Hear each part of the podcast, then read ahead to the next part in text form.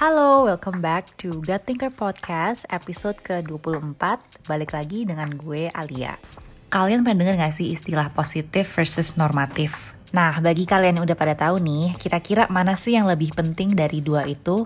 Positif atau normatif? Bagi kalian yang belum tahu bedanya apa antara dua itu, gue coba jelasin secara brief ya. Jadi kalau pandangan positif itu tuh sesuatu yang didasari oleh fakta dan juga data dan biasa juga sudah diuji kebenarannya.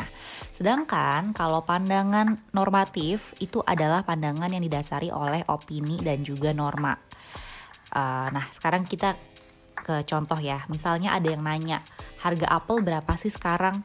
Kalau misalnya pandangan positif, Jawabannya itu adalah harga apel sekarang Rp100.000 per kilo.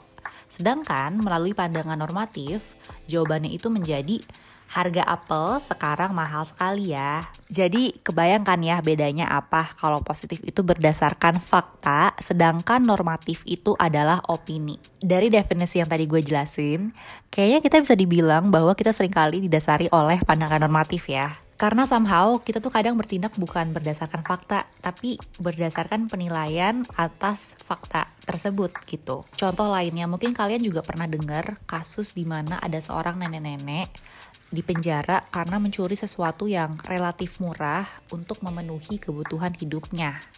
Dan dia tetap difonis untuk uh, di penjara itu. Sekilas dengar beritanya mungkin kebanyakan dari kita merasa nggak setuju ya dengan vonis kepada nenek tersebut Alasannya karena kasihan dan merasa bahwa banyak loh orang lain yang melakukan kejahatan lebih, tapi kok hukumannya lebih ringan. Nah, balik lagi ke pandangan normatif yang di mana kita melihat berdasarkan opini. Kalau dari cerita kasus yang nenek tadi itu, kita merasa bahwa hukuman itu kayaknya nggak adil deh untuk nenek tersebut.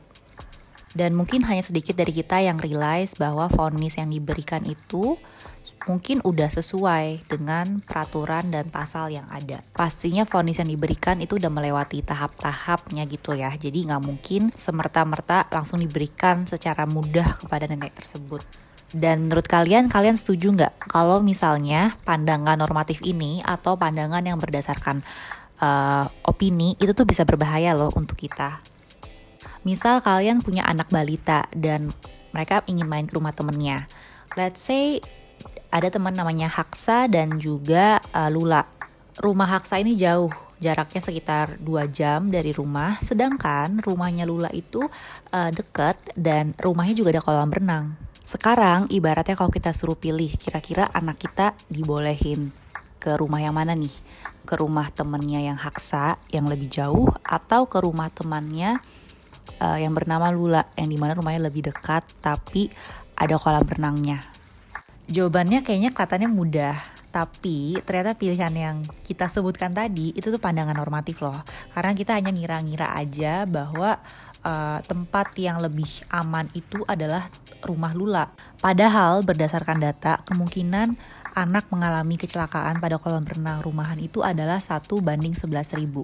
Melanjuti dari contoh keputusan orang tua tadi ya yang kita sebutkan, ternyata banyak juga loh keputusan orang tua yang tidak sesuai dengan kebutuhan anaknya. Lagi-lagi karena kurangnya pandangan positif dan lebih mengutamakan pandangan normatif atau pandangan berdasarkan opini. Dan banyak orang tua di luar sana yang berusaha sangat keras agar anaknya itu lebih pintar dan juga tentunya memiliki nilai yang bagus lah ya di sekolah. Karena dua hal itu adalah cara yang paling mudah untuk menentukan apakah uh, anak kita itu pintar atau tidak. Kalau menurut kalian sendiri, kira-kira mana sih yang lebih berpengaruh kepada nilai anak di sekolah?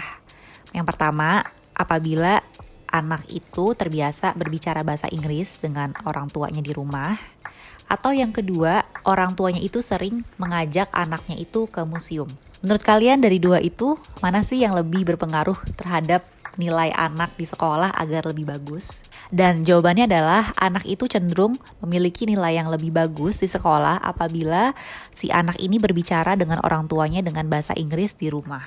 Dan sayangnya berdasarkan data ternyata nggak ada hubungannya antara orang tua sering mengajak anak itu ke museum dengan nilai anak secara keseluruhan di sekolah. Dan yang kedua, kira-kira mana yang lebih membuat nilai anak di sekolah itu cenderung lebih rendah?